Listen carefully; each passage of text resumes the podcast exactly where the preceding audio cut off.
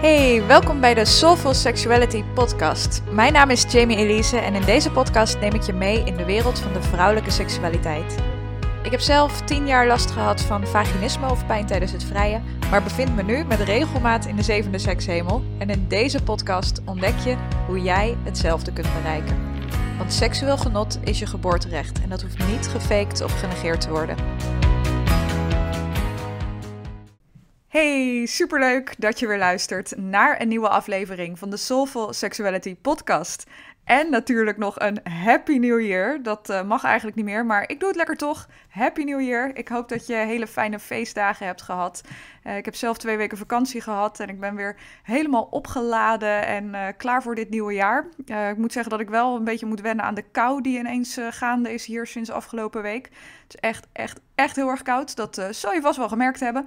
Um, en ja, vroeger had ik ook best wel moeite met januari en februari. Ook een beetje last van een winterdip. En um, nou, trok ik het gewoon niet zo dat de dagen zo kort waren, dat het zo donker was en koud buiten. Uh, maar ik denk zelf dat uh, dat met name veroorzaakt werd ook omdat ik januari en februari eigenlijk niet gebruikte waar het misschien wel uh, voor bedoeld is. Um, het zijn hele korte dagen, we zitten midden in de winter en misschien is dit wel een periode van rust en reflectie en um, een periode van dromen over alles dat je wilt doen dit jaar of uh, volgend jaar of de komende vijf jaar. Dromen over dingen die je wilt bereiken, maar het nog niet per se uitvoeren. En dat uh, strookt natuurlijk niet zo lekker met het feit dat uh, het nieuwe jaar begint op 1 januari. Want iedereen lijkt dan altijd ja, volle gas vooruit te gaan met goede voornemens en doelen en weet ik het wat allemaal. En ik heb gewoon echt gemerkt dat dat voor mij persoonlijk niet zo goed werkt. Uh, dus ik heb uh, vorig jaar al besloten dat mijn nieuwe jaar op 1 april begint. Uh, dat in verschillende landen vieren ze dan ook het nieuwe jaar. Um, en dat voelt voor mij veel logischer uh, dan uh, ja, 1 januari midden in de winter. Um, 1 april, uh, de lente begint, de dagen worden langer, alles gaat weer groeien en bloeien. En dan heb ik ook altijd zin om met alle nieuwe plannen en ideeën aan de slag te gaan. Dus voor nu hou ik het lekker nog even bij dromen, reflecteren, uitrusten, onder mijn dekentje zitten met een boek. Niet dat ik dat in de zomer niet doe, maar nu gewoon nog even iets meer. En um, ja laat dit um, uh, ook gewoon een manier zijn waarop ook jij je eigen regels mag maken.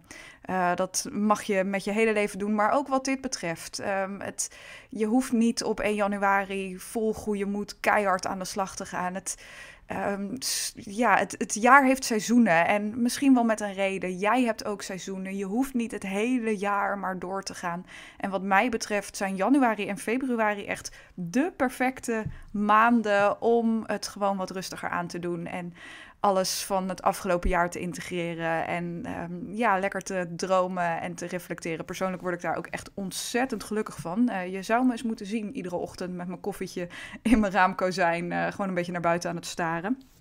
Dus um, ja, voor mij uh, al met al een heel goed begin van dit nieuwe jaar ook. En ik hoop voor jou ook.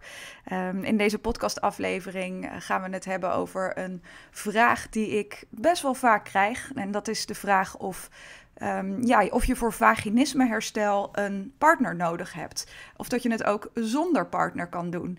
En mijn antwoord is eigenlijk altijd dat dat heel erg persoonlijk is, waar jouw voorkeur naar uitgaat. Je hoeft natuurlijk niet je partner te dumpen als je die nu al hebt, uh, omdat je van vaginisme wilt herstellen. Uh, ik krijg deze vraag natuurlijk met name van vrouwen die op dit moment niet in een relatie zitten. Uh, en die zich eigenlijk afvragen of ze vaginismeherstel misschien moeten uitstellen tot ze een partner hebben. Nou ja, dat, dat kan natuurlijk. je kan ermee aan de slag gaan wanneer jij wilt en wanneer voor jou goed voelt. maar het hoeft niet. En uh, allebei heeft voor- en nadelen. Van vaginisme herstellen met een partner heeft voor- en nadelen. En van vaginisme herstellen zonder een partner heeft voor- en nadelen. En het een is niet per se beter dan het ander. Het is puur een voor jou persoonlijke keus. En nou zelf uh, ben ik ook van vaginisme hersteld zonder partner. Dat was niet per se een bewuste keus. Ik had gewoon zoiets van, nou, en nu gaan we ermee aan de slag en uh, nu gaan we er eens wat aan doen. En op dat moment had ik geen partner. En toen kwam ik op een gegeven moment op een punt uh, waarvan ik dacht, nou, volgens mij ben ik er wel klaar voor. Uh, laat ik het eens proberen met de scharrel waar ik op dit moment mee aan het daten ben. En toen lukte het ook inderdaad en uh, ging het heel erg goed. Um, dus ja, het, het hoeft niet met partner. Dat als allereerste moraal van het verhaal.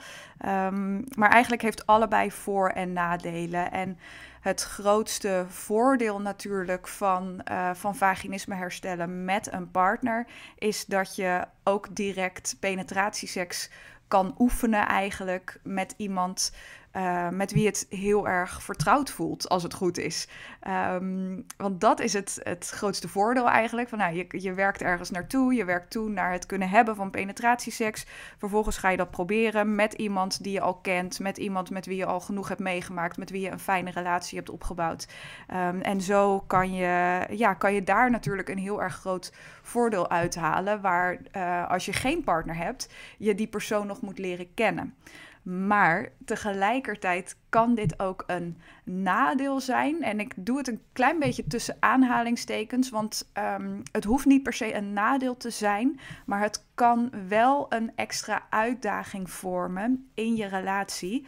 Als je nu bijvoorbeeld helemaal geen seks hebt, jullie praten niet over seks, uh, dat zijn jullie misschien niet gewend, uh, of dat, dat, weet je, dat hebben we natuurlijk ook nergens geleerd. Dus het is ook absoluut niet erg als dat nu gebeurt.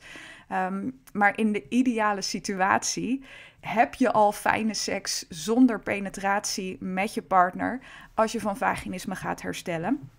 Um, en als dat niet zo is, uh, dat uh, gebeurt ook wel eens uh, bij vrouwen bij mij in Path to Pleasure, dat, dat ze helemaal geen seks hebben, ook niet met hun partner over seks praten. Dan komt er dus eigenlijk een soort ja, tweede um, traject, is een beetje een groot woord, maar een, een soort tweede pad komt naast het herstellen van vaginisme. En dat is het toevoegen van seks zonder penetratie in je relatie en het ja, leren communiceren over seks. Um, je kan niet van 0 naar 100 gaan. Het is niet zo dat uh, jij van vaginisme herstelt en uh, dat je dan op een gegeven moment klaar bent. En dat je dan tegen je partner kan zeggen: Joe, ik ben er klaar voor hoor, let's go. Uh, je mag eerst fijne seks hebben zonder penetratie. En um, als je dat nu niet hebt, kan dat dus een extra uitdaging zijn om dat uh, te integreren in je relatie. En nu denk je misschien van ja, oké, maar dat is uh, dan toch ook het geval als je, uh, als je nu geen relatie hebt en je gaat eerst met iemand daten. Um, en dat klopt, maar uh, dan is het vaak een iets natuurlijker verloop. Het is dan niet zo dat je iets in een bestaande relatie al helemaal um, ja, zo gewend bent om te doen. En dat je dat dan ineens helemaal moet ombuigen en veranderen. Een verandering is uh, voor iedereen een uitdaging. En hetzelfde geldt voor koppels die soms al jaren gewend zijn om helemaal geen seks te hebben. En het daar ook niet over te hebben. Het is een soort grote roze olifant in de kamer. Uh, en als je dan ineens uh, seks moet gaan toevoegen, dan kan dat extra uitdagingen met zich meebrengen. Ook ja, tussen jullie in de relatie. Waar als je net iemand leert kennen. Dat vaak een ja, veel natuurlijker verloop heeft. Um, het is ook wat dat betreft niet zo dat je iemand leert kennen en dan uh, het helemaal niet meer over je vaginisme hoeft te hebben. Uh, dat is misschien ook een, uh, een luchtbel die ik voor je doorprik nu. Het is niet zo dat jij als uh, vrijgezel van vaginisme herstelt en dan kan gaan liggen en kan gaan doen alsof er nooit iets aan de hand is geweest met jou. Uh, omdat dan de druk op je schouders heel erg groot wordt, omdat je dan bang bent, waarschijnlijk, uh, dat het gaat lukken, want je hebt die ander niets verteld. Dus de kans is groot dat je dan daar ligt van, oh shit, als het nu maar lukt, want anders is het weer een teleurstelling en moet ik zeggen dat het niet gaat en dat het pijn doet. En dan zit je weer in je hoofd, ben je weer aan het nadenken en dan is de kans heel erg groot dat het niet lukt. Um, dus je mag ook je nieuwe partner uh, vertellen over jouw vaginisme of jouw vaginisme verleden, hoe je het noemen wilt. En um, het is dus niet zo dat je dat overwint en dat je dan kan doen alsof er nooit iets gebeurd is. Uh, dat had ik zelf toen ook niet. En ik, ik weet 100% zeker dat dat uh, heel erg heeft bijgedragen aan het feit dat het uh, meteen eigenlijk lukte. Dat was de allereerste keer voor mij was met iemand die ik al tien jaar kende, denk ik. En wij hadden al eerder uh, gedate en dat soort dingen. was nooit een serieuze relatie geworden. Maar wel een goede vriend, iemand die ik al goed kende. En met wie ik toen toevallig weer aan het daten was. En nou ja, hij wist dus ook van mijn vaginisme verhaal. En dat is heel erg belangrijk. En als dat iets is waar je misschien tegenop ziet, weet dan dat vaginisme ook echt iets kan zijn wat maakt uh, dat je meer naar elkaar toe groeit. Dat kan natuurlijk het geval zijn als je al een relatie hebt, uh, maar ook juist als je een nieuw iemand leert kennen.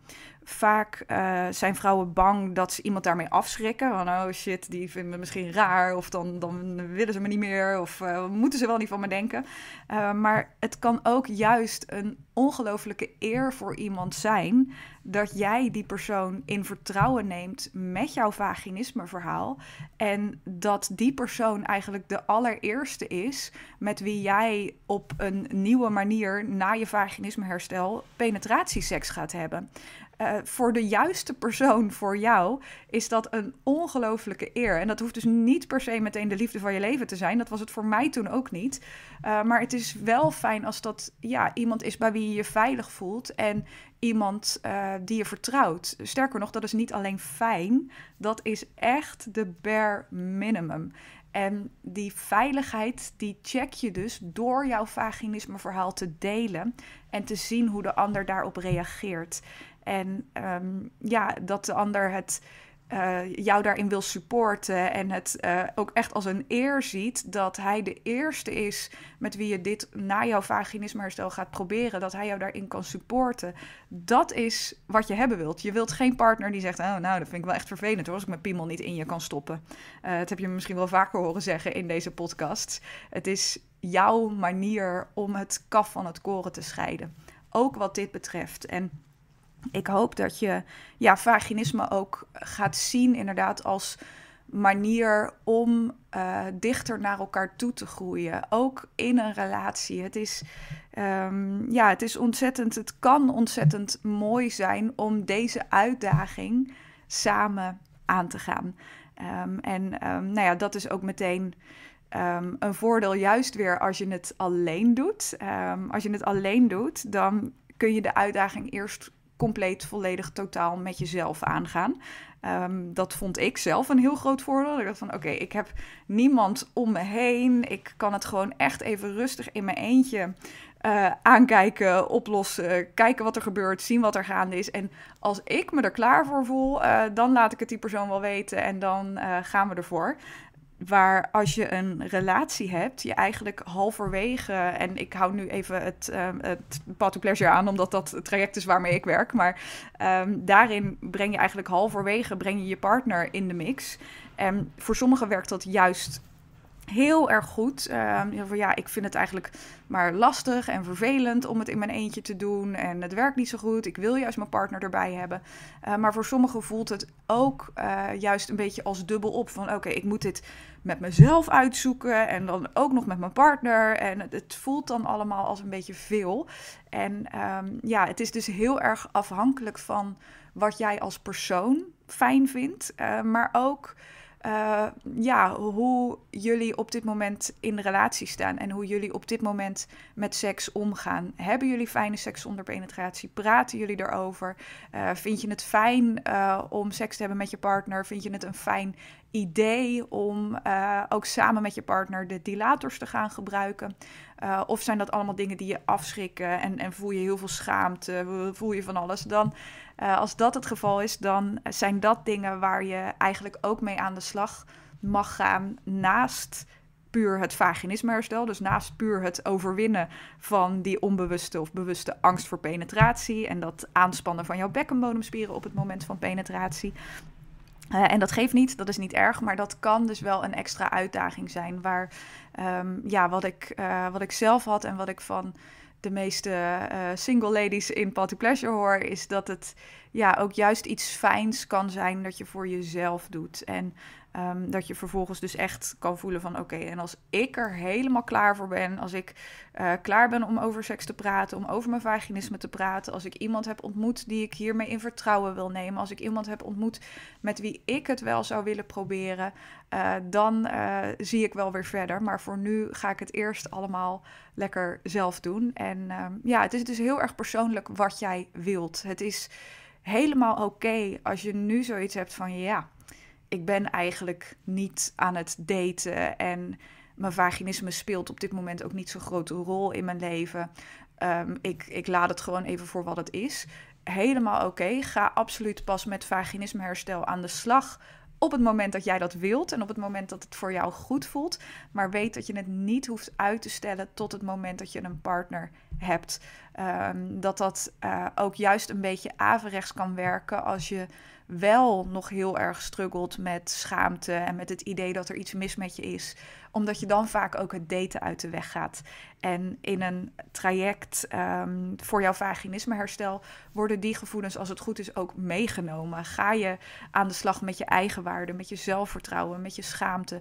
Zodat je vervolgens ook ja, veel meer. Um, met veel meer zelfvertrouwen het dateproces in kan gaan.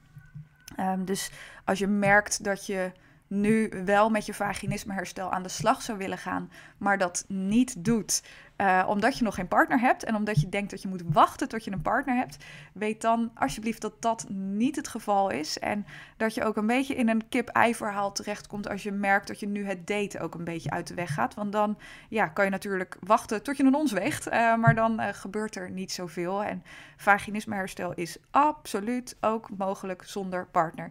Ik heb het zelf gedaan zonder partner. En in Path to Pleasure is het eigenlijk ook een beetje 50-50. En ja, wat betreft vrouwen die in een relatie zitten, zie ik dus echt een mix uh, van vrouwen waarvoor het heel erg goed werkt. Die eigenlijk hebben, ik wil helemaal niet alleen met die dilators klooien. Ik wil mijn partner erbij betrekken. Uh, en ik zie ook vrouwen voor wie het een extra uitdaging vormt. Uh, omdat ze nog gevoelens van schaamte en schuldgevoel moeten overwinnen. Um, omdat ze seks überhaupt weer toe moeten voegen in hun relatie. En nogmaals, dat geeft niet. Alles is te overwinnen. Uh, alles is, je kan aan alles werken.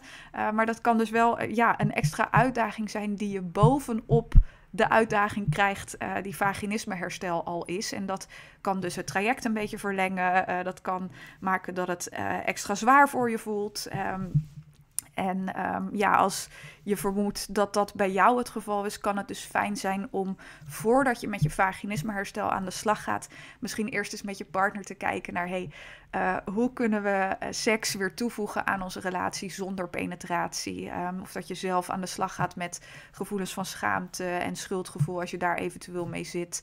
Um, voordat je echt actief met je vaginismeherstel aan de slag gaat. Maar ja, ook wat dit betreft, uh, het kan ook allemaal tegelijk. Het, het, het, voornaamste is dat je doet wat voor jou goed voelt. there's no one right way.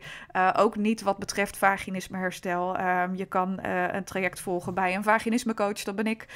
Je kan naar een bekkenbodemspecialist en een seksuoloog. Je kan botox in je bekkenbodemspieren laten spuiten. er zijn allerlei manieren om van jouw vaginisme te herstellen. En um, er is niet één juiste manier.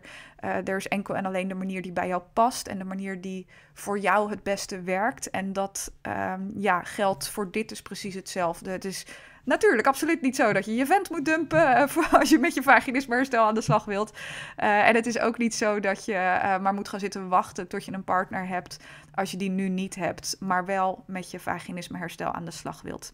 Goed, ik hoop dat dit uh, waardevol voor je was. Uh, mocht je hier verder nog vragen over hebben, voel je dan absoluut vrij om uh, mij een berichtje te sturen via Instagram.